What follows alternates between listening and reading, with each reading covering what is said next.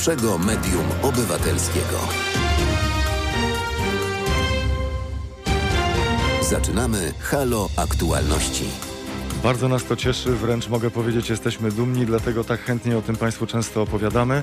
To już piąty tydzień naszej kampanii społecznej Ile kosztuje nas Kościół. Do 6 grudnia, a więc jeszcze przez 4 dni nasze kampanijne auto przemierza ulicę Rzeszowa. Do końca marca 2000 2021 roku odwiedzimy kilkanaście miast w całej Polsce i w każdym z nich spędzimy aż 7 dni. I ta kampania jest możliwa wyłącznie dzięki Państwa zaangażowaniu finansowemu na stronie www.zrzutka.pl ukośnik kampania. Mamy też plan trasy na kolejne tygodnie. W Krakowie i Wadowicach będziemy od 7 do 13 grudnia. Będziemy też w Katowicach od 14 do 20 grudnia. Potem wszystkich nas y, czeka, mam nadzieję, radosna i spokojna przerwa świąteczno-noworoczna, a potem nasza ciężarówka zacznie nowy rok od tygodnia spędzonego w Częstochowie.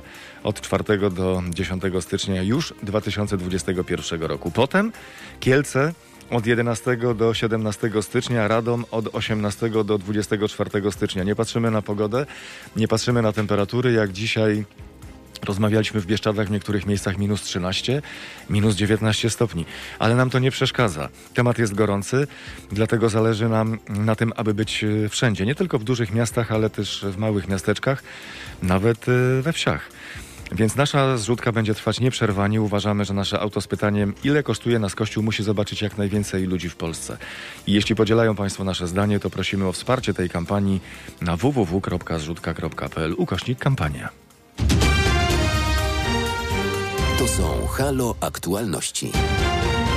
Mówimy Państwu dzień dobry i kłaniamy się i zapraszamy do godziny 17. Filip Łeszega, który realizuje dzisiejsze Halo Aktualności. Adam jest wydawcą. Mariusz Oko, skłaniam się i zapraszam. Interesujących, gorących, rozpalających naszą wyobraźnię tematów i ważnych dla nas nie brakuje. Już y, za mniej więcej 12 minut będzie razem z nami pan dr Jakub Sawulski, kierownik zespołu makroekonomii z Polskiego Instytutu Ekonomicznego, bo pojawiło się pytanie – czy najbogatsi płacą w Polsce najniższe podatki? E, badania pokazują, że bogaci wcale nie płacą w Polsce największych, e, największych i najwyższych podatków. Dane Fiskusa pokazują, że jest odwrotnie i polski system podatkowo-składkowy bardziej obciąża najbiedniejszych niż e, najbogatszych. Najnowsze badanie Polskiego Instytutu Ekonomicznego pokazuje, że ta anomalia ludziom się nie podoba. No, trudno, żeby się, trudno, żeby się podobała. Jeśli podsumować PIT i składki ZUS, to dane Ministerstwa Finansów wskazują, że najniższe podatki płacą w Polsce ludzie najbogatsi. Wynika to nie tylko ze stawek podatkowych, ale i z różnych form zatrudnienia. Wielu bogatszych świadczy usługi jako firma, przez co płaci państwu mniej.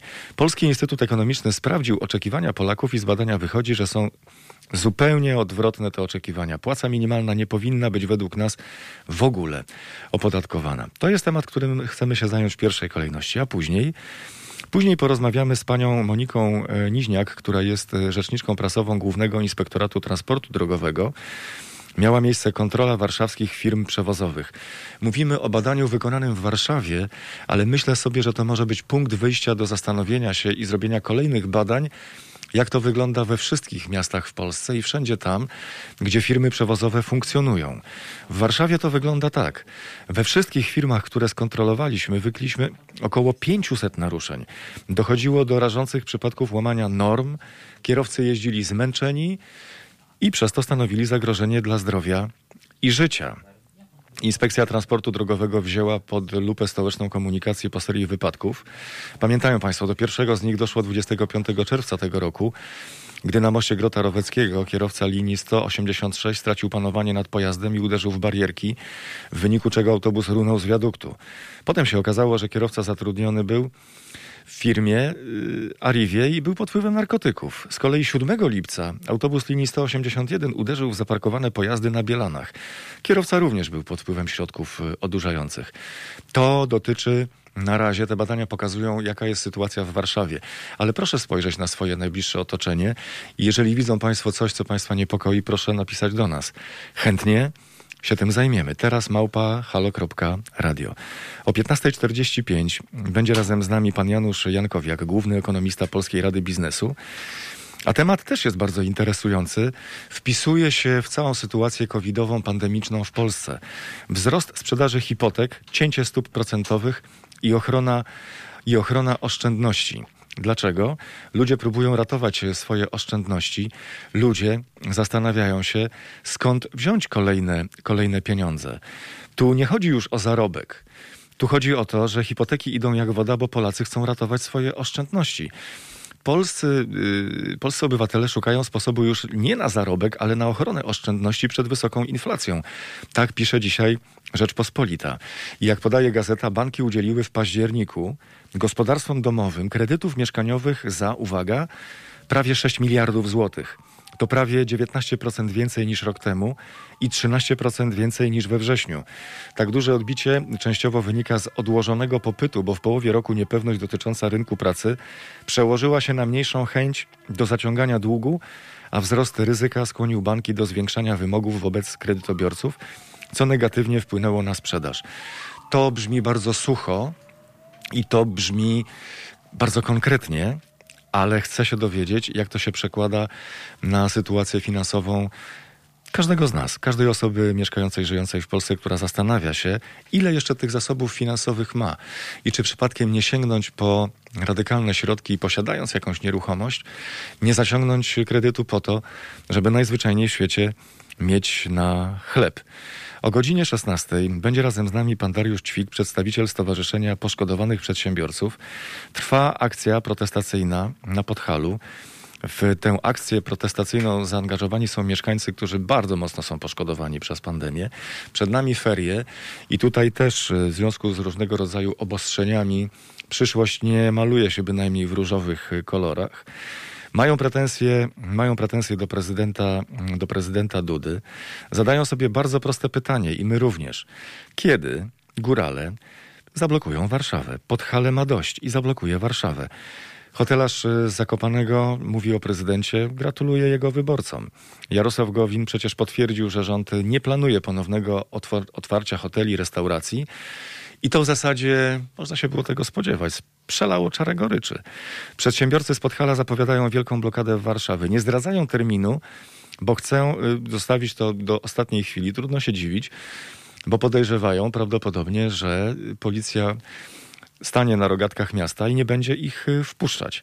Niemniej jednak zapewniają, że będzie to protest, który zjednoczy praktycznie wszystkie poszkodowane branżę. Jak wygląda sytuacja i czego możemy się spodziewać? W jaki sposób odczujemy to na własnej skórze już o godzinie 16. O godzinie 16.15 szczepionki na COVID zostały dopuszczone przez Wielką Brytanię. To oczywiście rodzi pytanie, w jaki sposób y, akurat Brytyjczykom udało się stosunkowo szybko rozwiązać ten problem i tak szybko, bo nikt pierwszy tych szczepionek e, nie wprowadził i, i, i nie wprowadził jeszcze na, na masową skalę, tak aby, aby wszyscy mieszkańcy e, Wielkiej Brytanii mogli z tego skorzystać. Porozmawiamy z ekspertem do spraw szczepionek, z panem doktorem Krzysztofem Kucharczykiem. Co oczywiście rodzi pytanie, kiedy my będziemy mogli skorzystać z takich szczepionek i czy te szczepionki będą dobrowolne, czy będą obowiązkowe. Ostatnie głosy, które słyszałem z obozu mm, rządzącego, mówiły, będą dobrowolne, nieobowiązkowe, dobrowolne. Proszę to przemyśleć. Do godziny 16.15 mamy jeszcze trochę czasu. A później o godzinie 16.30 pan doktor habilitowany Tomasz Kubin z pracowni integracji europejskiej z Instytutu Nauk Politycznych w bardzo prostym temacie. Skargi Komisji Europejskiej do TSUE, Holandia dołącza. Holendrzy już stracili cierpliwość. Stracili cierpliwość jak mówi mm, profesor Łętowska, w zasadzie doszliśmy do sytuacji, w której Holandia ma rację. Obecnej Polski w takim systemie prawnym i w takim systemie funkcjonowania wielu różnych instytucji powołanych do tego, aby to prawo było przestrzegane, takiej sytuacji Polski nikt dzisiaj do Unii Europejskiej by nie przyjął. To są Halo Aktualności. Na zegarach 15.30 razem z nami pani Monika Niżniak, rzeczniczka prasowa Głównego Inspektoratu Transportu Drogowego. Dzień dobry pani. Dzień dobry. Szalony dzień. Mamy na rozmowę dosłownie 7 minut. Wykorzystajmy ten czas najlepiej. Dlaczego dzień szalony? E, dlatego, że dużo wątpliwości, dużo kontrowersji i dużo też pytań pojawiło się po mm, opublikowaniu przez nas informacji dotyczących wyników kontroli mm, w przedsiębiorstwach, które świadczą usługi w tak zwanym obszarze komunikacji miejskiej na terenie Warszawy. A niestety te wyniki nie są najlepsze. Niektórzy mówią, że wyniki są zatrważające. Co, y, jaki obraz wyłania się po tej, po tej kontroli, jeśli może nam pani opowiedzieć?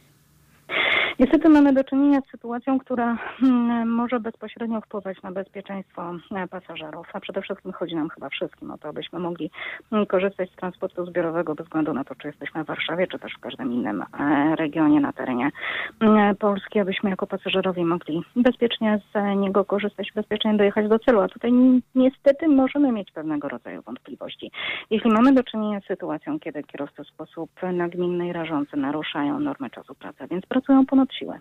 M, Pracują kilkanaście m, dni z rzędu, nie biorąc e, odpowiednich, przedłużając czas pracy, nie biorąc odpowiednich e, przerw. E, Pracują równocześnie u kilku przewoźników, e, w tym momencie naruszając już w sposób rażący normy czasu pracy. No, przykład, e, jeden z przykładów, no niestety niechlubny rekordzista, kierowca, który mm, jeździł po Warszawie, wykonywał, woził warszawiaków na kilku liniach e, autobusowych e, przez nieco ponad dwa miesiące, pracując równocześnie dwóch przewoźników i w ciągu tych dwóch, e, ponad dwóch miesięcy miał zaledwie dwa dni wolnego.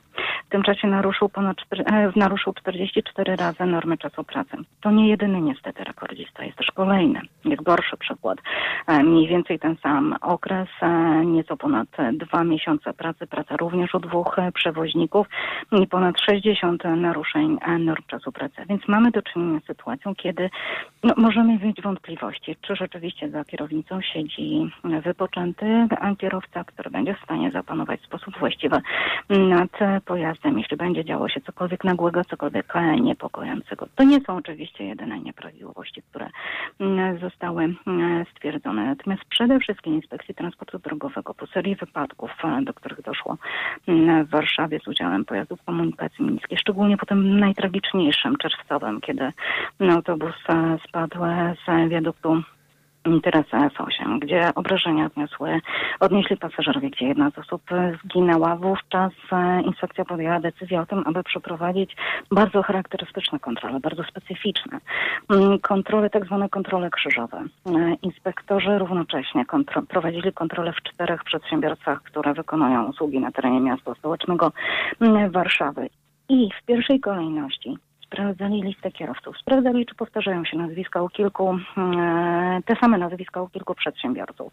Jeśli się mm, pokrywały, jeśli się mm, pojawiały te same nazwiska, ci kierowcy byli typowani do szczegółowej weryfikacji, do sprawdzenia, jak pracują, czy pracują zgodnie z normami mm, czasu pracy. Wytypowanych zostało ponad 270 kierowców i niestety średnio co czwarty z nich e, naruszał e, normę czasu pracy. 69 kierowców mm, z tych 200, ponad 270 wyty, wytypowanych poniesie mm, konsekwencje. Ale konsekwencje poniosą nie tylko kierowcy. Konsekwencje poniosą również przewoźnicy, bo to oni są odpowiedzialni za to, mm, aby tak organizować e, pracę, aby kierowca nie był zmuszony do tego, żeby łamać e, czas pracy. Tak organizować e, i, i, i mm, transport, aby był on bezpieczny, aby na trasę były wysyłane sprawne autobusy z aktualnymi przeglądami technicznymi. I niestety w przypadku przedsiębiorców, tych wszystkich czterech przedsiębiorców, którzy byli kontrolowani, stwierdzono około pół tysiąca naruszeń. I każdy z tych przedsiębiorców zostanie ukarany karą finansową w wysokości od 10, no od nieco ponad 10 tysięcy do maksymalnej, a możliwej mm, do nałożenia w postępowaniu administracyjnym 30 tysięcy złotych. I ta kara najwyższa i najwięcej nieprawidłowości zostało właśnie stwierdzonych mm, w przypadku przewoźnika, którego pojazd uczestniczył w tym tragicznym wypadku na trasie F8. To są wyniki y, kontroli, którą Państwo przeprowadzili w Warszawie. Czy można wyrokować na tej podstawie, że w innych miastach w Polsce jest podobnie? Ja nie chciałabym wyciągać wniosków, nie chciałabym nikogo obrazić i nie chciałabym wskazywać, że w jakimś mieście dzieje się podobnie. Natomiast m, równolegle z kontrolami, e, które są prowadzone na terenie przedsiębiorstw, w przedsiębiorstwach, e, prowadzimy kontrole drogowe. E, W ramach kontroli drogowych to są typowe, standardowe kontrole, które również, tak jak pan czy ja, możemy przejść jako mm, kierujący pojazdami mm, osobowymi. Sprawdzani są e, kierowcy mm, autobusów e, wykonujący przewozy. I w ramach tych e, czynności sprawdzane są przede wszystkim uprawnienia, sprawdzane jest to, czy kierowca jak jest, w jakim stanie się znajduje, czy jest pod wpływem alkoholu, czy nie znajduje się na przykład pod wpływem środków psychoaktywnych, ale także weryfikowany jest stan techniczny pojazdów. I tutaj niestety, jeśli chodzi o stan techniczny pojazdów na terenie e, całego kraju, no to zdarzają się sytuacje, mówiąc bardzo delikatnie, wątpliwe. E, Kiedy mamy do czynienia z taborem autobusowym, to czasami nie powinien w ogóle wjeżdżać na drogi. E, Kiedy stan techniczny no, wprost zagraża mm, bezpieczeństwu. Dotyczy to naruszeń na awarii mm, podstawowych układów, układów, które odpowiadają za mm, nasze, e, nasze bezpieczeństwo. I takich e, kontroli w tym roku było już ponad e, kilka tysięcy i one są cyklicznie realizowane. Te typowe kontrole mm, drogowe. Zresztą Główny Inspektor Transportu Drogowego w momencie, kiedy wszczynane były czynności kontrolne w przedsiębiorstwach na terenie Warszawy, również e, zwrócił uwagę na to, że kontrole drogowe, kontrole w przedsiębiorstwach będą dotyczyły również małych miejscowości, mniejszych e, miejscowości, nie tylko aglomeracji dużych, nie tylko dużych miast, mm, ale również e, tych mniejszych, aby tam pasażerowie też mogli czuć się bezpiecznie, aby wiedzieli, że ktoś nadzoruje, ktoś sprawdza, ktoś weryfikuje, w jakim stanie są autobusy, w jakim stanie są kierowcy. Bardzo gorąco dziękuję za spotkanie. Pani Monika Niżniak, rzeczniczka prasowa Głównego Inspektoratu Transportu Drogowego. Dziękuję serdecznie. Ja również bardzo dziękuję. Za kilka minut y, naszym gościem będzie pan Janusz Jankowiak, główny ekonomista Polskiej Rady Biznesu i będziemy rozmawiali na temat wzrostu sprzedaży kredytów hipotecznych, a także cięcia stóp procentowych i ochrony, y, ochronie naszych oszczędności. A my też dla państwa mamy bardzo sympatyczną niespodziankę, jak sądzę, która też wiąże się z finansami. Bo jak Państwo wiedzą, od początku naszej działalności część pieniędzy, które wpłacają Państwo na rzecz Haloradia, trafia do nas za pośrednictwem serwisu Patronite i przez ten czas dostawaliśmy od Państwa jasne sygnały, że prowizje, które serwis pobiera są bardzo wysokie, więc uwzględniając zawartość y, Państwa portfeli i dalszą chęć wspomagania nas finansowo, zrzutka.pl postanowiła uruchomić specjalnie dla nas, dla Państwa, cykliczną zrzutkę bez jakichkolwiek prowizji dla siebie. A to oznacza, że każda kwota wpłacana przez Państwa na rzecz Haloradia trafi do nas w całości. Polecamy z całego serca, polecam www.zrzutka.pl ukośnik Haloradio. Słuchacie Halo Aktualności. Za kwadrans y, 16, środa, drugi dzień grudnia robimy małą sondę dotyczącą tego, czy gdy szczepionka na COVID-19 pojawi się już w Polsce, to powinna być obowiązkowa czy dobrowolna. Razem z nami pan Janusz Jankowiak, główny ekonomista Polskiej Rady Biznesu. Dzień dobry, kłaniam się. Moje uszanowanie. Pana zdaniem powinna być obowiązkowa czy dobrowolna taka szczepionka? No już jest to przesądzone, ona będzie dobrowolna, o ile będzie dostępna, więc nie ma co tutaj spekulować na ten temat. Pana zdaniem to jest dobre rozwiązanie? Tak osobiście. Yy, Wie pan co, uważam, że w sprawie szczepionek e, takich wirusowych prawo powinno być zostawi- pozostawione do wyboru tym, którzy korzystają bądź nie z ochrony swojego zdrowia, zdrowia najbliższych i tych ludzi, z którymi się stykają. Dzisiejsza Rzeczpospolita pisze, Polacy szukają sposobu już nie na zarobek, ale na ochronę oszczędności przed wysoką inflacją. Jak podaje gazeta, banki udzieliły w październiku gospodarstwom domowym kredytów mieszkaniowych za 5 miliardów 700 milionów e, złotych. Co to oznacza? Proszę pana, to jest klasyczna ucieczka z e, oszczędnościami, które są nisko oprocentowane, realnie tracąc na wartości nie tylko wtedy, kiedy są trzymane w domu, ale również kiedy są trzymane w bankach, ponieważ oprocentowanie i depozytów terminowych i rachunków bieżących jest poniżej inflacji i tak będzie przez jeszcze dosyć długi czas, jak się wydaje. Więc mamy do czynienia z e, poszukiwaniem jakichś alternatywnych możliwości lokowania oszczędności przez ludzi i e, nieruchomości. Są takim najpopularniejszym e, wykorzystanym w tym modelu instrumentem. To jest klasyczny e, prowadzi to w efekcie, zawsze tak jest i zawsze tak będzie, prowadzi to w efekcie do narastania takiego tak zwanego bombla, prawda, tym razem na nieruchomościach, to oznacza dosyć gwałtowny i mało uzasadniony wzrost cen. Cen mieszkań. Tak, słucham cały czas. Tak, tak, tak. Tak, tak. Chodzi o ceny mieszkań oczywiście. Mhm. To znaczy, że w efekcie tego wszystkiego branża, która nie będzie poszkodowana i która już zaciera ręce, to jest branża deweloperska. Wie pan, y, spora część tego popytu kieruje się na rynek wtórny też, proszę pamiętać. Tak? To nie chodzi tylko o nowe mieszkania, chodzi również o, bo również zakupy na rynku wtórnym są finansowane z kredytów hipotecznych, e, więc to nie tylko deweloperzy, nie tylko deweloperzy. To jest po prostu zwykła forma e, ochrony e, realnej wartości swoich oszczędności, która jest połączona z bardzo uzasadnioną, moim zdaniem, nadzieją na to, że te oszczędności poprzez lokowanie ich na rynku nieruchomości zyskają znacznie więcej niż wtedy, kiedy są trzymane w bankach albo w domu.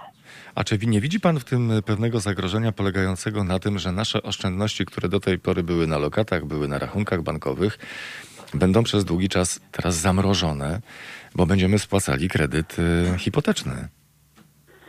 A to jest związane z e, możliwością obsługi tych e, kredytów przez ludzi. Jeżeli ludzie e, którzy korzystają z tej formy wsparcia finansowego, tej wigni finansowej, wierzą, że ich dochody e, bieżące, rozporządzalne w przyszłości pozwolą obsługiwać ten kredyt, to nie ma w tym jakiegoś specjalnego e, problemu.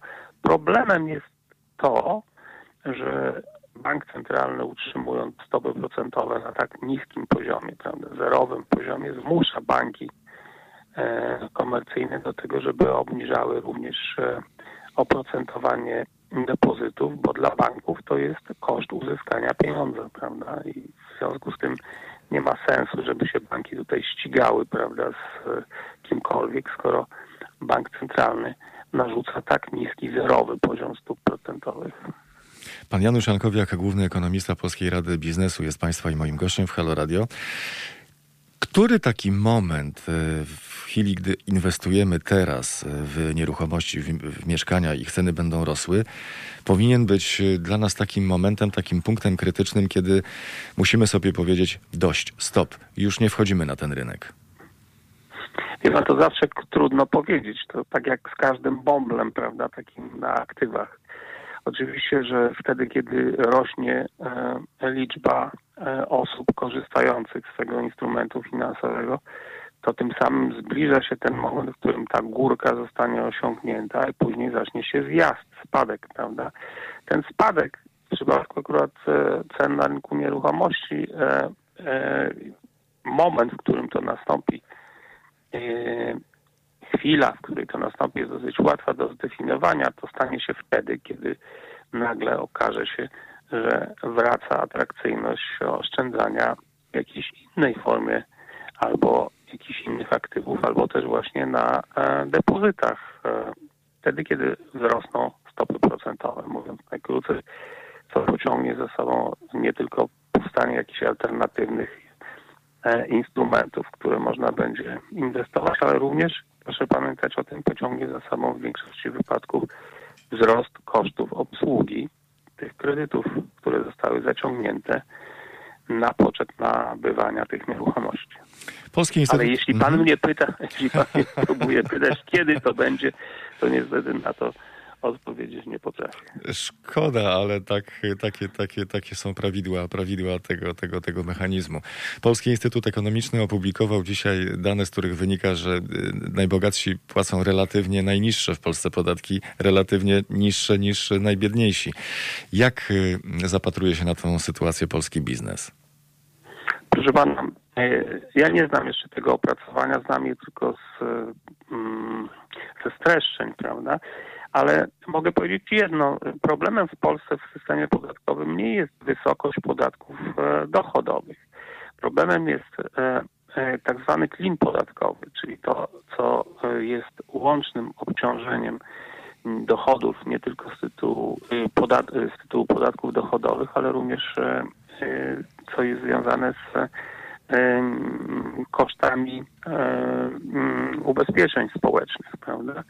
I ten klin podatkowy, czyli różnica między tym, co, co my dostajemy na rękę, a co płaci pracodawca, jest w Polsce rzeczywiście regresywny, prawda? To jest związane z wieloma bardzo historycznymi zaszłościami. I to, ten mechanizm oczywiście należałoby jakoś odwrócić, bo to powoduje, że e, ta wysokość klina jest nieproporcjonalnie mm, niekorzystna, nieproporcjonalnie karze tych, którzy mają relatywnie niskie zarobki. Ale to nie jest tylko kwestia podatków dochodowych. To jest, tak jak mówię, kwestia tej degresywności e, całego klina podatkowego. Dopiero co zakończyła się operacja ściągania z powrotem 100 ton polskiego złota do kraju. Narodowy Bank Polski zakończył procedurę sprowadzania tego, tego kruszcu e, z banku z Anglii do Polski. Urosły nasze zasoby złota przechowywane w sejfach Narodowego Banku Polskiego. Ucieszyła pana ta wiadomość? Wie pan, no to jest, zależy jak na to patrzeć, prawda? No, sprowadzenie tego, tego złota do kraju niewiele zmienia. E, złoto trzymane poza granicami Polski e, było jest praktykowane e, od dawna jako forma pewna asekuracji, prawda? forma bezpieczeństwa.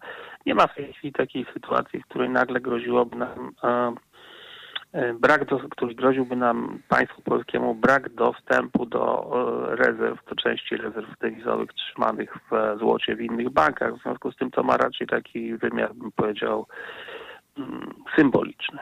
A nosi się pan zamiarem... Proszę pamiętać, mhm. że, proszę pamiętać, że to złoto pozostające za granicami Polski jest oczywiście w dalszym ciągu w depozycie tych instytucji, w którym, w których ono jest składowane. To nie ma nic wspólnego ze zmianą formy własności. Właścicielem tych tych aktywów jest w dalszym ciągu Narodowy Bank Polski, państwo polskie, prawda? Więc to można równie dobrze dysponować tymi zasobami, których się fizycznie nie ma i które są za granicą. Można je sprzedawać, można, je, można robić z nimi wszystko, co się chce. Trzymanie ich u siebie jest jakby formą taką, no, powiedział, pewnej manifestacji, że oto Y, wszystko, co nasze, mamy u nas.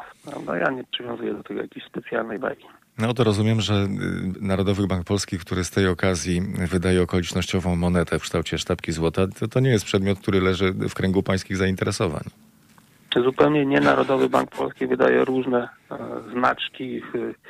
Wie pan, czasami różne również e, wydaje z siebie e, dziwne komunikaty za pośrednictwem czy to władz Banku Centralnego, prezesa, czy też poszczególnych członków Rady Polityki Pieniężnej. Tamte rzeczy mnie znacznie bardziej interesują, bo one są mm, jakby to powiedzieć, bardziej interesujące z profesjonalnego punktu widzenia, czasami zdumiewające, ale bardziej interesujące. Przedstawiciel Stowarzyszenia Poszkodowanych Przedsiębiorców już za 5 minut będzie gościem na antenie Halo Radia. Podhale, mieszkańcy Podhala szykują akcję protestacyjną. Rozumie pan y, poszkodowanych przedsiębiorców Podhala, że już mają dość, bo tak to wyraźnie powiedzieli? Tylko przedsiębiorców Podhala, rozumiem wielu przedsiębiorców, którzy czują się poszkodowani z tytułu pewnego, pewnej dozy chaosu w posunięciach rządu, również y, odkładania w czasie w rekompensat, które im się należą w pełni za, za administracyjny zakaz działalności. No bo proszę pamiętać, że coś, co, co zamknęło biznes w listopadzie na cały listopad i grudzień, a co ma być zrekompensowane, jak dobrze pójdzie w drugiej połowie stycznia, no to trudno się dziwić, że to jest coś, co przedsiębiorców denerwuje, dziwi, a czasami wkurza. Bardzo gorąco dziękuję za rozmowę, dziękuję za spotkanie. Pan Janusz Jankowiak, główny ekonomista Polskiej Rady Biznesu, Państwa i moim gościem w Halo Aktualnościach. Dziękuję serdecznie. Moje uszanowanie.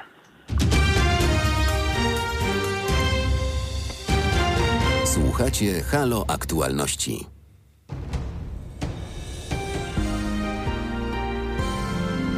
W piątek.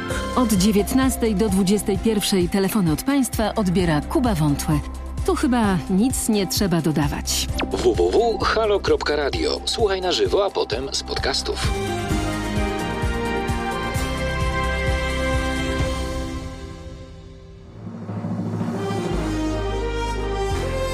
Halo Radio. Nazywam się Tadeusz Bartoś zachęcam do wspierania medium obywatelskiego, inicjatywy Kuby Wątłego. To będzie y, być może rzecz zupełnie nowa. Kuba Wątły chce, żeby powstała inicjatywa wymiany myśli, wymiany opinii, poznawania świata niezależna od wielkich mediów. Dlatego to jest medium obywatelskie. Zachęcam do wspierania tej inicjatywy na stronie Patronite.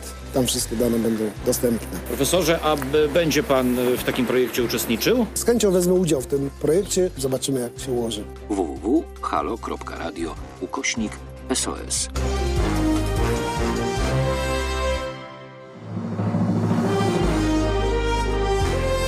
Halo Radio. Nazywam się Ewa Łętowska, jestem profesorem prawa. Jestem na kongresie obywatelskim dlatego, że człowiek w pewnym wieku i z pewnym doświadczeniem może pomóc w dyskusjach, które jednoczą ludzi z bardzo wielu różnych miejsc. A ważne jest też, żeby o tych dyskusjach ktoś inny jeszcze wiedział i wyciągał z nich pożytek. Otóż stacje jak Halo Radio to jest radio obywatelskie, które dociera do różnych grup i różnych ludzi. Tam, gdzie nie docierają komercyjne media, jest w związku z naszą misją, misją Kongresu Obywatelskiego bardzo ważne. www.halo.radio ukośnik SOS.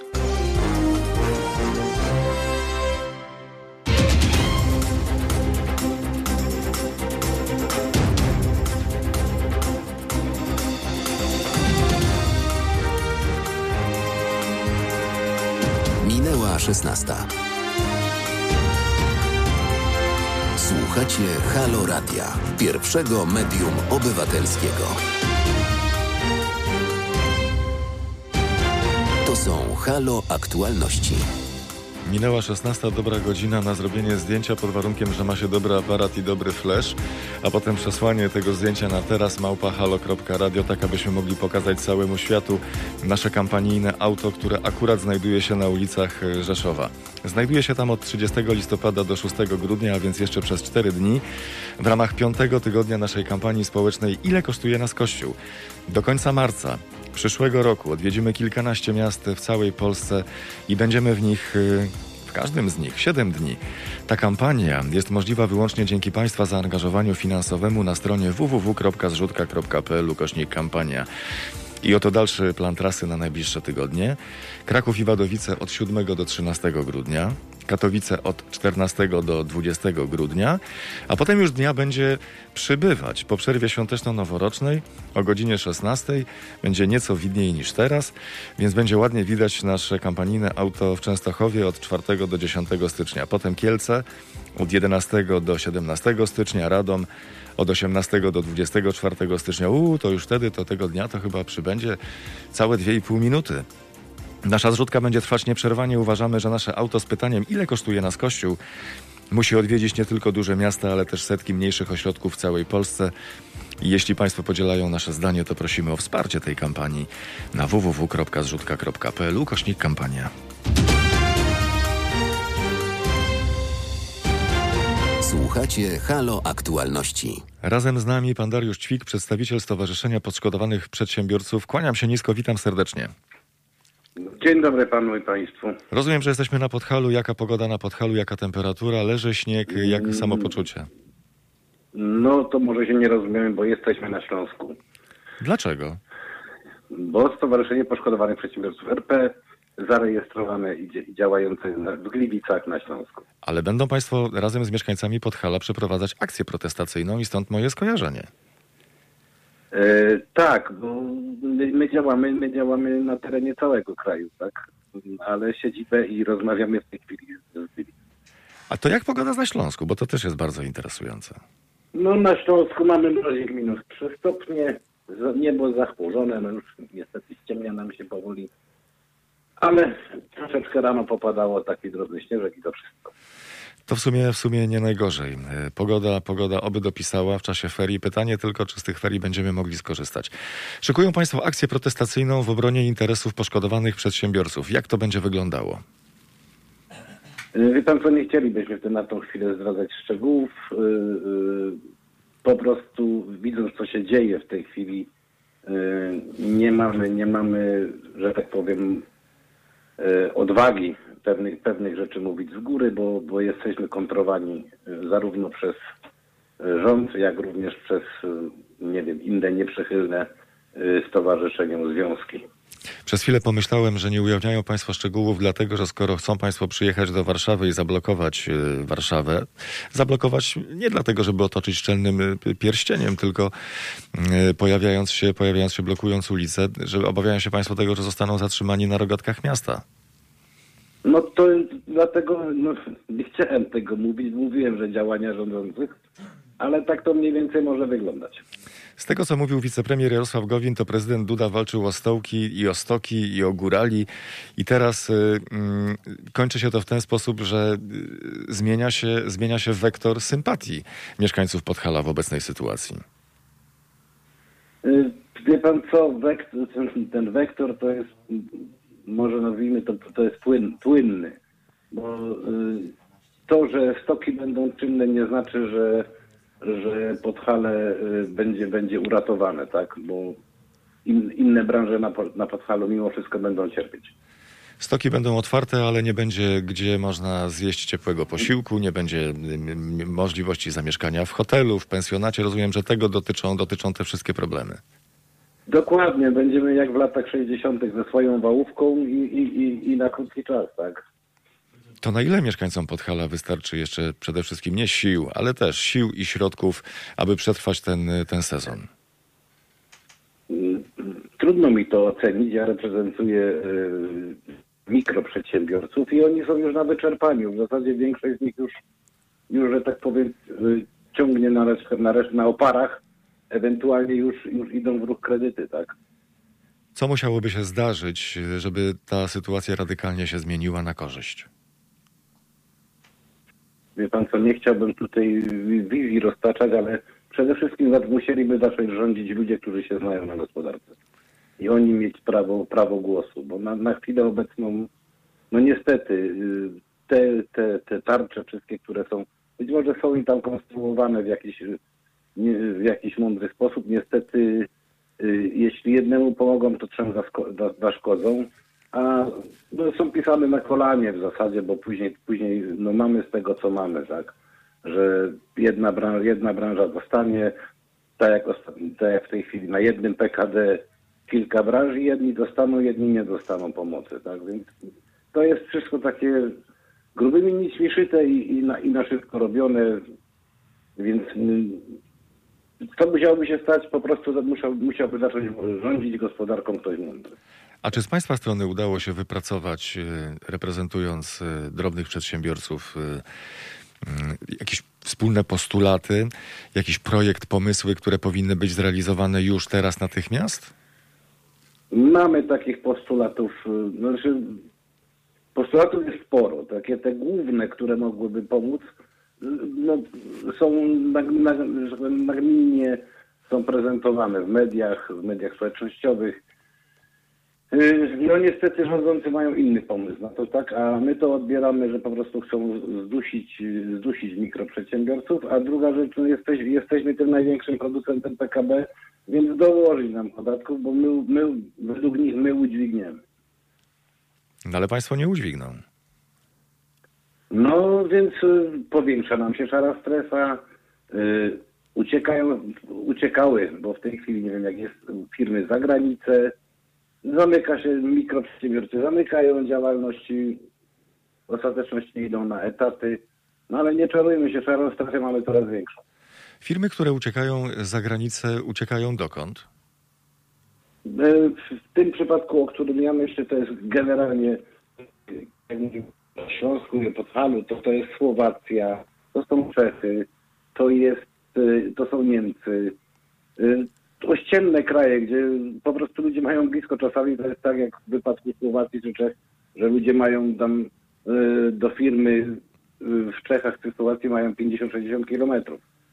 Proszę, proszę sobie sprawdzić, jak to wygląda na terenach na terenach Raciborza czy, czy, czy okolic. Tam sporo firm już ma po prostu czeskie, czeskie nipy. Co takiego jest kuszącego w gospodarkach takich krajów jak Czechy, Słowacja? No Niemcy to już jest, Niemcy to już jest y, trochę, trochę, trochę dalej, że przedsiębiorcom łatwiej funkcjonuje się właśnie tam niż, y, niż na Podhalu. Może to dobrze śmiesznie, ale tak zwany święty spokój, tak? Tam e, przedsiębiorca nie jest wiecznie szykanowany, nie jest wiecznie kontrolowany, nie traktuje się go z góry jako, jako złodzieja i oszusta, tylko ma, ma spokojnie pracować, zatrudniać ludzi i przynosić dochód państwu. Ten czeski pomysł, który mhm, został wprowadzony jakiś czas temu, polegający na tym, żeby obniżyć podatki, to jest ten kierunek, który również y, Państwa interesuje? Y, To chyba każdego interesuje obniżenie podatków. Wtedy, że tak powiem, rozkręca się obywatel, którego stać na więcej, będzie więcej kupował. Będzie więcej kupując, mamy większą produkcję, no więc produkcja, większe zatrudnienie. I to się kręci, bo ten zatrudniony zarabia i, i znowu te pieniążki wracają na rynek. Tak mamy w przypadku obniżenia podatków. Zresztą proszę przy, przypomnieć sobie parę, parę naście lat do tyłu, kiedy walczono, walczono z przemytem alkoholu. Obniżono akcyzę na alkohol i w tym momencie pols, polskie, polski monopol ruszył do przodu, tak? To jest taka akurat o, o, o, troszeczkę z boku, ale generalnie niższe podatki, większy, więcej pieniędzy w portfelach obywateli i większy ruch na rynku. Widział państwo, y, wi- widzieli Państwo to zestawienie Polskiego Instytutu Ekonomicznego polegające na tym, że relatywnie najbogatsi płacą w Polsce y, wyższe podatki, niższe podatki niż ci najbiedniejsi.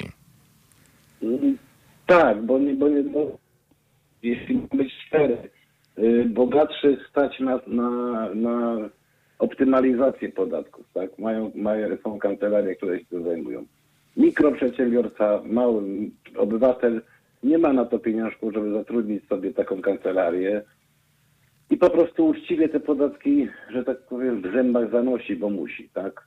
Nie optymalizuje. Ewentualnie jak jest zmuszony, no to ucieka w szarą strefę, ale to, to, to są już, że tak powiem, te, te, te naj, najgorsze, najgorsze rzeczy. Pan Dariusz Ćwik, przedstawiciel Stowarzyszenia Poszkodowanych Przedsiębiorców, jest Państwa gościem na antenie Halo Radia. Na koniec y, może nie ma żadnej instytucji takiej, która by potrafiła zjednoczyć przedsiębiorców choćby po to, aby wspólnie wynająć dobrą, dobrą kancelarię, aby Państwu również udało się optymalizować y, koszty, podatki? Nikt nie jest, przede wszystkim przedsiębiorcy to są już z natury indywidualiści. Trudno zebrać przedsiębiorców w jedną grupę, e, żeby działali wspólnie. Udało się to poniekąd rzecznikowi małych i średnich przedsiębiorców, ale no, też nie jest on zainteresowany e, stricte działaniem w celu udzielenia podatków, tylko pomoc tym mikroprzedsiębiorcom. Natomiast żebyśmy sami jako mikroprzedsiębiorcy czy przedsiębiorcy się zorganizowali, My staramy się od 2010 roku to zrobić, do dziś nam się nie udało. Dlaczego? Dlatego, że no, jest bardzo, ba- no, przedsiębiorcy są indywidualistami, a jeśli już powstanie jakaś grupa, w tej chwili mamy kilkanaście takich, czy jak nie kilkadziesiąt stowarzyszeń przedsiębiorców i niestety każdy, każdy chce osiągnąć sukces tylko dla siebie, no więc trudno nas zjednoczyć w tym momencie. Tym razem się udało, dlatego że szykuje się wspólna akcja protestacyjna y, Mm, mieszkańców Jeśli Podhala. mam, być, jeśli mam być szczery, jeszcze nie chwalmy dnia przed zachodem słońca, bo już bywało tak, że mieliśmy być wspólnie, a potem się okazało, że ktoś po prostu y, chce swój interes polityczny na tym ubić. Ja nie, jeszcze nic nie, nie, nie, nie, nie będę komentował. Uda się, jeśli się uda, jeśli naprawdę ten proces dojdzie do skutku. Za chwilę Państwa i moim gościem będzie ekspert do spraw szczepionek, bo szczepionki na COVID-19 zostały dopuszczone przez Wielką Brytanię i jeśli Pan pozwoli, to chciałem osobiście Pana spytać, czy gdy już będą w Polsce, to Panie Dariuszu, powinny być obowiązkowe czy, mm, czy dobrowolne? E, Szczepionka, e, szczep... moje zdanie, to jest moje prywatne zdanie, szczepionka powinna być dobrowolna. To obywatel niech sobie decyduje, jak chce żyć. Bardzo gorąco dziękuję za spotkanie, dziękuję za rozmowę, trzymam kciuki. Pan Dariusz Ćwik, przedstawiciel Stowarzyszenia Poszkodowanych Przedsiębiorców. Dziękuję serdecznie, kłaniam się nisko. Dziękuję również, do usłyszenia. Słuchacie Halo Aktualności. Bardzo lubię tę piosenkę Nika Kershawa. 17 minut y, po 16. Razem z nami pan dr Krzysztof Kucharczyk, ekspert do spraw szczepionek. Kłaniam się nisko, witam serdecznie. Dzień dobry panu, dzień dobry pani. Robię małą sondę dzisiaj wśród słuchaczek i słuchaczy oraz gości i gościń zaproszonych do Haloradia, bo Wielka Brytania już ma szczepionkę, a gdyby była w Polsce, powinna być pana zdaniem obowiązkowa czy dobrowolna? E, Dobrowolna.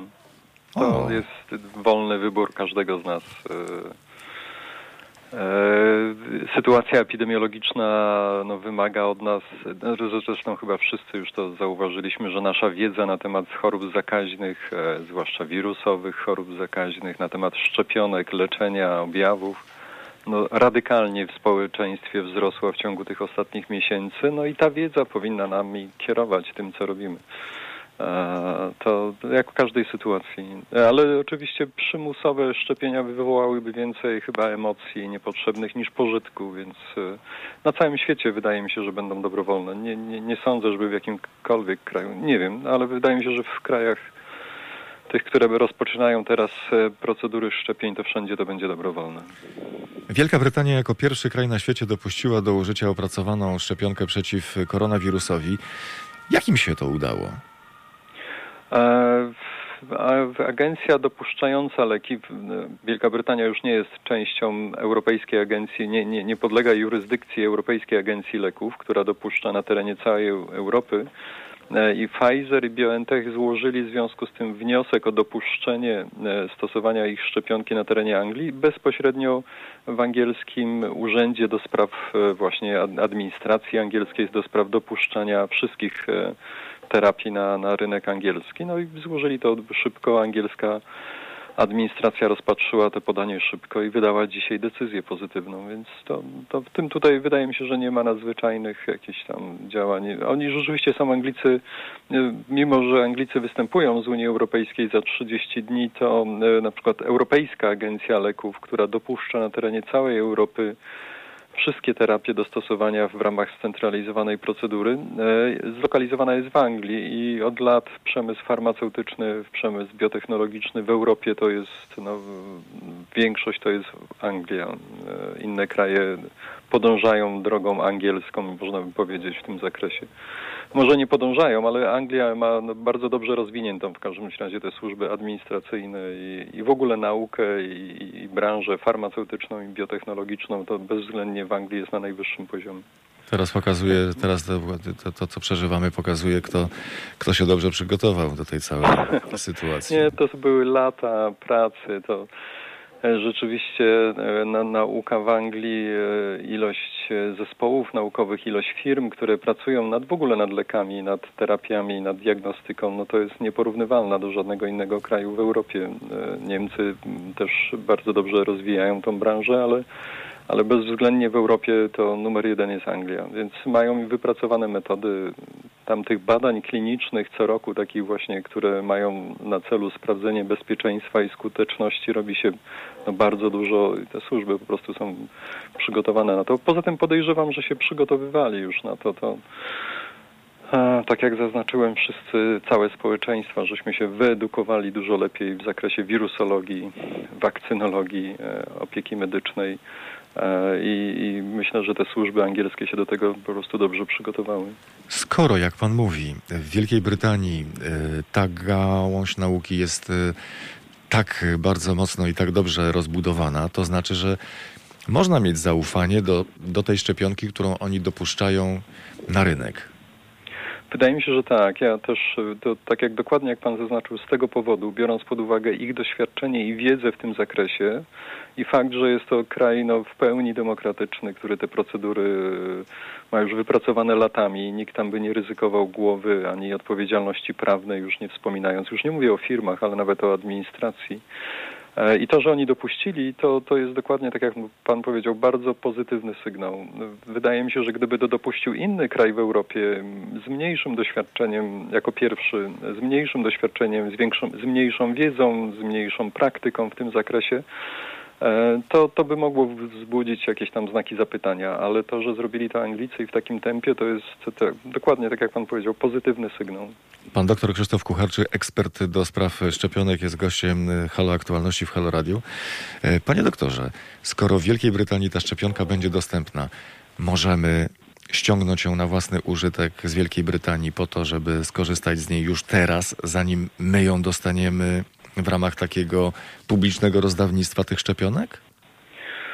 E, wydaje mi się, że to jest technicznie wykonalne, ale czy to jest e, rzeczywiście, bo to chociaż nie w Anglii chyba to też jest bezpłatna szczepionka i też podobnie jak w Polsce, tak jak dzisiaj słyszałem, Rząd planuje, że każdy się musi zarejestrować najpierw, kto chce otrzymać tą szczepionkę. To podobnie chyba ten system będzie działał w Anglii, choć nie widziałem tej, tej metodologii angielskiej. Te grupy ryzyka, od której Anglicy będą szczepili, są już określone. To znaczy najpierw najstarsze osoby mieszkające w domach opieki tych, tych społecznych, w DPS-ach angielskich Później dopiero osoby nieco młodsze co 5 lat ustawili sobie taką gradację, plus służba zdrowia i później kolejne roczniki co 5 lat w dół, aż tam do 60 czy do 50 roku e, życia i, i, w związku z tym wyobrażam sobie, że to też będzie bezpłatna szczepionka, skoro rząd reguluje, kto ma ją otrzymać. Nie jest tak, że jest wolny rynek, proszę iść do apteki sobie kupić i się zaszczepić, tylko rząd wskazuje, kto będzie szczepiony pierwszy, kto drugi, kto trzeci w tej sytuacji wyobrażam sobie, że rząd angielski pokryje tego koszty szczepionki. W związku z tym na wolnym rynku do kupienia e, wydaje mi się, że nie będzie, ale no nie wiem, nie wiem jak to technicznie będzie. Tak, na, na, na tą chwilę wydaje mi się, że to będzie też dystrybuowane e, w ramach służby zdrowia i bezpłatnych szczepień w Anglii. Znając ludzką naturę, dopuszcza pan taką możliwość, że w sytuacji, w której oni już mają, a reszta nie ma, zaczną się pojawiać y, w różnego rodzaju sklepach internetowych, w przestrzeni internetowej kup, zamów, to jest właśnie ta szczepionka, ona przyjedzie do ciebie, skorzystaj, będzie fajnie? Na 100% będą takie rzeczy i przestrzegam wszystkich, e, żeby absolutnie nie korzystali z tych e, możliwości, bo będą to, e, będą, zostaną oszukani. To na 100%. Nawet chyba jakiś Interpol czy inne służby takie policyjne przestrzegają przed tego typu e, zakupami, bo e, te szczepionki w pierwszej fali podejrzewam, że będą zakupione przez rządy poszczególnych krajów w Unii Europejskiej. W ramach Unii Europejskiej to Unia Europejska chyba negocjowała z dostawcami, czyli z Pfizerem, z AstraZeneca i, i, z Moderną jako te trzy pierwsze firmy, które mają największe szanse ją zarejestrować i, i, wprowadzić na rynki w Europie i zakupy będą centralne. Nie będzie możliwości kupienia na wolnym rynku. E, i będą rejestrowane te wszystkie osoby, które zostaną e, zaszczepione, więc szansa, że się pojawią gdzieś wolne dawki, nie wyobrażam sobie, żeby to było. No, na, na tą chwilę nie widzę takiej możliwości. W związku z tym, jeżeli się pokażą, a na pewno się pokażą, to przestrzegałbym bardzo mocno przed e, korzystaniem, bo nie tyle, że można stracić pieniądze, ale jeżeli ktoś uwierzy i zrobi sobie krzywdę, to rynek e, podróbek farmaceutycznych jest bardzo dużym rynkiem i działa świetnie. Nie wiem, który jest e, bardziej groźny, czy nadużywanie narkotyków i narkotyki, czy rynek e, podrobianych produktów medycznych, ale e, ten rynek istnieje i ta szczepionka to będzie, tak jak Pan zaznaczył, idealna okazja, żeby e, wygenerować jakieś takie nielegalne działania, ale to wydaje mi się, że na ten moment to wszystko będzie nie, niedostępne, to będzie dystrybuowane przez rządy, które to zakupią i, i na wolnym rynku kupienie tego nie będzie realne. Indywidualnie będą każde osoby zarejestrowane do szczepienia, będzie im przypisana szczepionka, więc e, szansa, że gdzieś w aptece się pojawi wolna do kupienia, to nie widzę takiej drogi. Apteki nie będą miały tego w ogóle, tych, tych, tych leków. Czy szczepionka, szczepionka, y, zamknięta podejrzewam w, szklanej fiolce, Dokładnie. Ona wymaga szczególnego sposobu przechowywania, transportowania? Akurat ta, którą Pfizer opracował tak, to trochę wynikało, podejrzewam, nie znam historii, z tempa, w jakim ona została opracowana, że producent zaplanował, że przechowywana będzie po wytworzeniu w fabryce, bo pewnie Państwo i Pan dobrze wiedzą, że jest to nowa forma szczepionki, gdzie szczepimy nie fragmentem wirusa, nie zinaktywowanym wirusem wyprodukowanym pozaustrojowo gdzieś w laboratorium, tylko szczepimy informacją, jak nasz organizm osoby zaszczepionej ma sobie sam wytworzyć fragment wirusa, nie całego wirusa, tylko fragment, jedno białko, a nawet nie, nie, nie, nie całe. I te białko wytworzone przez nasz własny organizm zostanie przez nasz własny układ immunologiczny rozpoznane jako obce i zostaną wyprodukowane przeciwciała. Nasz układ immunologiczny będzie nauczy się, jak później dojdzie do zakażenia, to już będzie miał gotowe te przeciwciała i według tych badań klinicznych, które przeprowadzono, no to z 92-95% nie dojdzie do jakichkolwiek objawów rozwoju choroby, bo nasz organizm sobie z tym poradzi. E, więc e, firma wymyśliła, zaplanowała na początku, podejrzewam, że nie mieli czasu na optymalizację sposobu przechowywania tego e, materiału genetycznego, czyli RNA i takim na pewnym, skutecznym sposobem przechowywania to było zamrożenie takiej właśnie fiolki, o której Pan mówił, w minus 70 stopniach. E, I ponieważ nie mieli czasu na sprawdzenie, czy w minus 30 też będzie skuteczna albo w temperaturze pokojowej, albo w lodówce, to wykorzystali technologię, która była najpewniejsza, minus 70 i od razu poszli do badań klinicznych, dlatego są pierwsi. Inni, którzy sprawdzali, czy się dają przechować w innych temperaturach, no musieli na to poświęcić kilka tygodni albo z 2-3 miesiące nawet. No i później siłą rzeczy rozpocząć badania. Pfizer nie czekał, wykorzystał technologię, która jest na pewno sprawdzona, czyli jeżeli chodzi o temperaturę minus 70. Co teraz oznacza, żeby ją użyć, musimy stosować dokładnie ten sam sposób postępowania, czyli minus 70 i stąd ta logistyka będzie w przypadku e, tej szczepionki dosyć kłopotliwa, ale Pfizer jako firma zadeklarował, że w Europie mają wytwórnię tych szczepionek w Belgii e, pod Brukselą zlokalizowaną i oni jako firma deklarują, że sami dostarczą do miejsca wskazanego przez kupującego e, w tej niskiej temperaturze tą szczepionkę, od miejsca wytworzenia do miejsca użycia na koszt firmy Pfizer, więc e, gdyby odbiorcy, rządy poszczególnych krajów nie muszą się martwić, jak z Belgii to przywieźć na przykład do Polski, do Warszawy albo nawet do kilku wskazanych miejsc w obrębie Polski zrobi to firma Pfizer. A tam na miejscu już trzeba mieć zamrażarki na minus 70, co już nie jest takim jakimś cudem techniki. One są dostępne, tylko muszą być odpowiednio przygotowane, zabezpieczone i tak dalej. Do, do stycznia, do lutego to jest aż dużo, wystarczająco w moim zdaniem czasu, chociaż nie wiem jak to tam od strony technicznej wygląda, żeby takie zamrażarki na przykład w szpitalach wojewódzkich ustawić i, i tam te szczepionki spłyną przez Pfizera już przywiezione w tych minus 70 stopniach. Bardzo gorąco dziękuję za spotkanie, dziękuję za rozmowę. Pan dr Krzysztof Kucharczyk, ekspert do spraw szczepionek był Państwa i moim gościem. Dziękuję serdecznie. Dziękuję, pozdrawiam.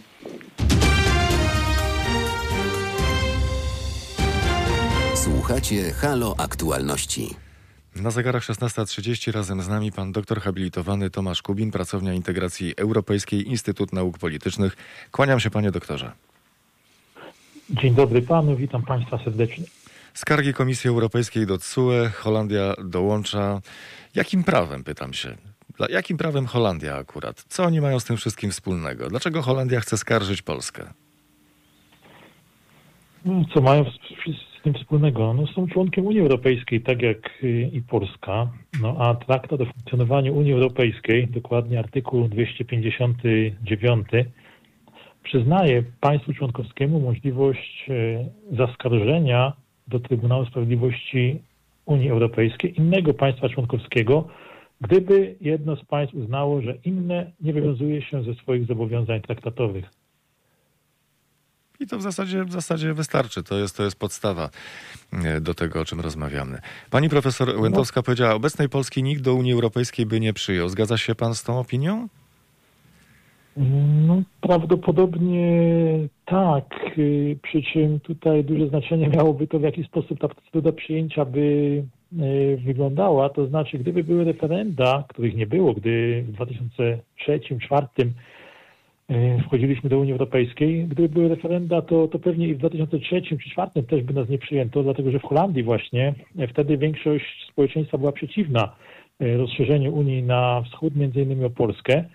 Nie wiadomo też, jaki wynik referendum byłby we Francji. Natomiast teraz, po tych kilku latach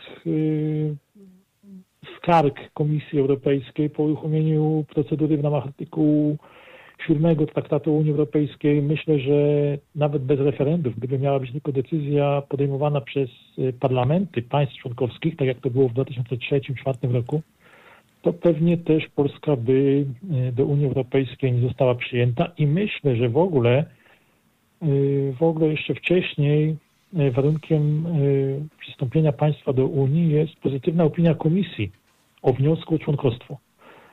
Dzisiaj, biorąc pod uwagę wydarzenia z ostatnich kilku lat, wydaje mi się, że tej pozytywnej opinii komisji by po prostu nie było, w związku z czym dalsza procedura by została jak gdyby zastopowana. Ale w Unii Europejskiej mamy też inne kraje. Są Niemcy, jest Austria, jest Hiszpania, Portugalia. Dlaczego akurat Holandia się na nas uwzięła? No, powodów jest pewnie kilka. Jeden z tych powodów, myślę, że nie wzięła się, ale no, akurat parlamentarzyści w Holandii, bo to decyzja rządu holenderskiego jest konsekwencją tego, że został ten rząd zobowiązany do takiego działania przez parlament holenderski, no są bardzo wyczuleni na kwestie praworządności. To jedna sprawa. Druga sprawa, no Polska zapowiada złożenie weta w odniesieniu do wieloletnich ram finansowych i do tego funduszu odbudowy w Unii Europejskiej. Następny powód jest taki, że Holendrzy, Holendrzy są tym państwem, które naciskało od samego początku na to, aby ten budżet wieloletni Unii Europejskiej i ten fundusz odbudowy były relatywnie jak najmniejsze. Holendrzy są płatnikami netto do budżetu Unii Europejskiej i domagali się tego, aby jeśli już te pieniądze miały być przyznane, to jak największa ich wartość, aby była w formie pożyczek warunkowych przeznaczonych na konkretne cele, udzielanych pod konkretnymi warunkami, a nie w formie bezzwrotnych dotacji czy grantów. No i, i tutaj Holendrzy uważają, że po prostu jeśli dajemy komuś pieniądze, to pod pewnymi warunkami i z gwarancją, że te pieniądze będą wydawane zgodnie z pewnymi zasadami, co do których się państwa członkowskie zobowiązały. No a aby te zasady mogły być skuteczne, to muszą być te mechanizmy praworządności zapewnione.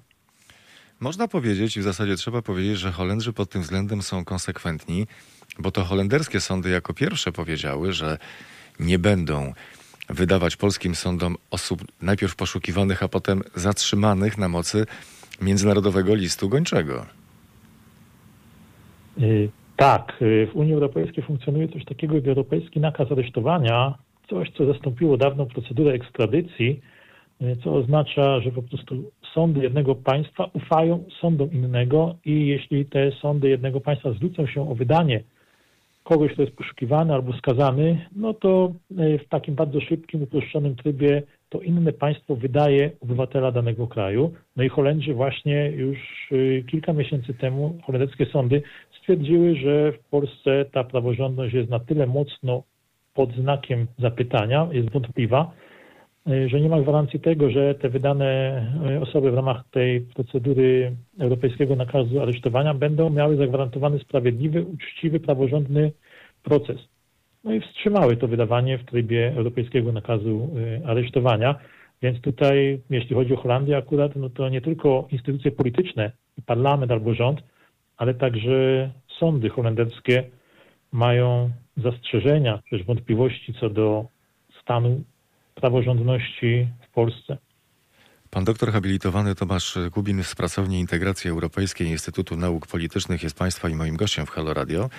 Niestety po raz kolejny jesteśmy pierwsi w Europie, bo to sytuacja bez precedensu w Unii, bo nie zdarzyło się do tej pory, by kraj członkowski zaskarżył inne państwo do Trybunału w Luksemburgu w związku z przeprowadzonymi przez nie zmianami ustrojowymi.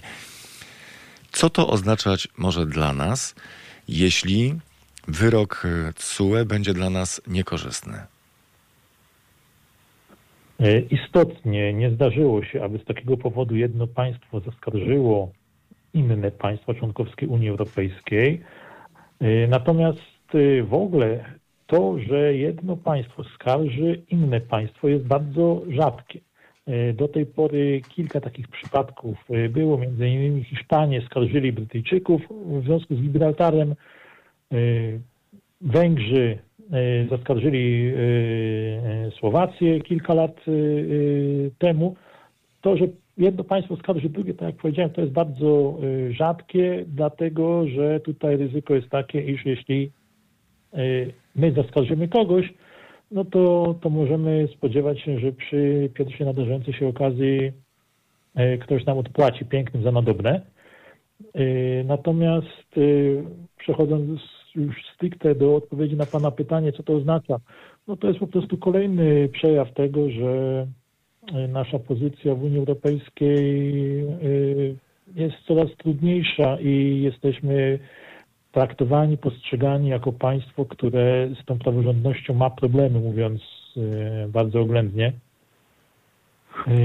Państwem, które no, może mieć z tego tytułu trudności, problemy w nawiązywaniu jakichś koalicji, porozumień z innymi państwami i czasami za którego plecami będą się chować inne kraje, które same nie będą chciały się narażać na jakieś y, zarzuty o, nie wiem, blokowanie jakichś procedur, y, bo, bo po prostu zrobi to Polska.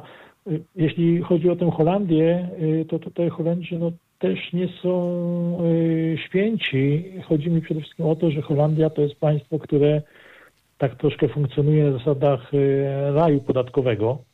Y, i poziom podatkowania przedsiębiorstw w Holandii jest y, znacznie na przykład niższy niż przeciętny w Unii Europejskiej. Przyciągają tych Holendrzy firmy y, z innych państw Unii Europejskiej, spoza Unii Europejskiej. No a, a tutaj w przypadku praworządności taką pryncypialną pozycję zajmują, jednocześnie sprzeciwiając się temu, aby jakieś działania zmierzające do bardziej sprawiedliwego opodatkowania zostały przez Unię Europejską y, przyjęte. Więc pamiętajmy tutaj, że Unia Europejska to jest organizacja, w której idee, pewne wartości mają y, istotną rolę, ale czasami są wykorzystywane instrumentalnie po to, aby też swoje y, egoistyczne, państwowe czy narodowe interesy realizować i chronić. To może ta idea, która zrodziła się mm, w niektórych umysłach w Polsce, aby pójść z Holandią na wymianę ciosów, na zasadzie to my też w takim razie możemy zacząć się przyglądać nie tylko temu, o czym pan przed chwilą powiedział, ale bolączkom sądownictwa holenderskiego. To ma sens. Y, no, możemy oczywiście się temu przyglądać, aczkolwiek y, wydaje mi się, że żeby zaskarżyć jedno państwo przez inne do Trybunału Sprawiedliwości, to naprawdę trzeba mieć jakieś poważne argumenty, a, a takie szukanie na oślep y, jakiegokolwiek argumentu tylko po to, aby komuś oddać, mówiąc w cudzysłowie, no to się skończy raczej y, niepowodzeniem i tym, że no się troszkę, mówiąc tak kolokwialnie, wygłupimy, a jednocześnie na trwałe pogorszymy sobie relacje z tym państwem. Więc tutaj, jeśli byśmy chcieli rzeczywiście jakieś państwo zaskarżyć, to musimy mieć bardzo poważne podstawy faktyczne i, i prawne do tego, aby to skutecznie uczynić. Jaki pan przewiduje finał tych wszystkich historii? No ja mam nadzieję, że jednak dojdzie do jakiegoś porozumienia, do kompromisu, że nie zablokujemy tego budżetu wieloletniego Unii Europejskiej, że ten fundusz odbudowy też zostanie e, uruchomiony, dlatego że gdybyśmy zablokowali coś, co w swojej istocie jest dla nas korzystne, bo i budżet wieloletni, i ten fundusz odbudowy, to nie do niego mamy zastrzeżenia. I, i tutaj te kwoty, które są przewidziane dla nas, są takie, które nas satysfakcjonują, e, no to nie tylko tutaj sami sobie byśmy w znaczący sposób zaszkodzili, ale też e, stalibyśmy się adresatem pretensji, żalów, niechęci tych państw, przede wszystkim południa Europy, które na te pieniądze autentycznie czekają, które zostały szczególnie mocno dotknięte konsekwencjami gospodarczymi po pandemii.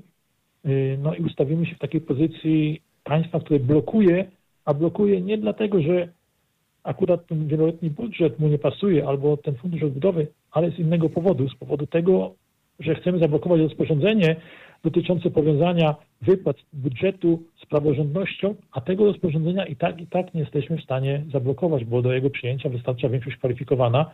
Jedno czy dwa państwa nie są w stanie tego rozporządzenia y, zablokować, więc mam nadzieję, że tutaj w najbliższych tygodniach jednak obydwie strony znajdą jakieś y, pole do kompromisu, no bo gdyby tak nie było, no to rozpoczynamy nowy rok y, z tak zwanym prowizorium budżetowym.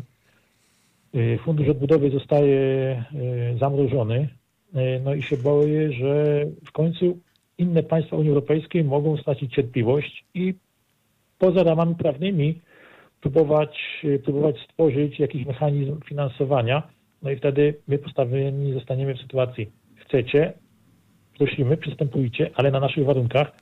Jeśli wam to nie pasuje, no to, e, to przykro nam e, bardzo. Kto będzie chciał, to będzie brał udział, kto nie, to nie, co będzie oznaczało pogłębienie zróżnicowania wśród państw członkowskich Unii Europejskiej. Pan doktor habilitowany Tomasz Kubin z Pracowni Integracji Europejskiej Instytut Nauk Politycznych. Bardzo gorąco dziękuję panu za dzisiejsze spotkanie i za rozmowę. Dziękuję panu i państwu również. Zakończmy dzisiejsze halo aktualności jeszcze kolejnym elementem, który daje nam nadzieję na, na, lepszą, na lepszą, niezwykłą przyszłość. Od początku naszej działalności część pieniędzy, które Państwo wpłacają na rzecz Halo Radia trafia do nas za pośrednictwem serwisu patronite.pl.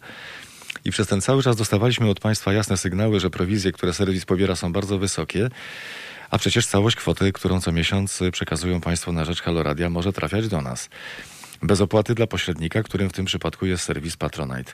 Dlatego uwzględniając zawartość Państwa portfeli i dalszą chęć wspomagania nas finansowo, Zrzutka.pl postanowiła uruchomić specjalnie dla nas, specjalnie dla Państwa cykliczną zrzutkę bez jakichkolwiek prowizji dla siebie. To oznacza, że każda kwota wpłacana przez Państwo na rzecz Haloradia trafi do nas w całości. Polecam www.zrzutka.pl ukośnik Haloradio. Prosimy o stałe wspieranie naszej działalności. Proszę Państwa, prawdziwe dziennikarstwo nie polega na schlebianiu ani władzy, ani opozycji. To Państwo są dla nas najważniejsi. www.zrzutka.pl ukośnik Halo Radio. Bardzo gorąco dziękujemy. Dziękujemy Państwu również za dzisiejsze spotkanie. Filip Łeszega, który był realizatorem dzisiejszych Halo Aktualności. Adam, który był wydawcą. Mariusz Lokos, dziękuję. Kłaniam się. Do usłyszenia. To były Halo Aktualności. Na kolejny program zapraszamy jutro o godzinie 15.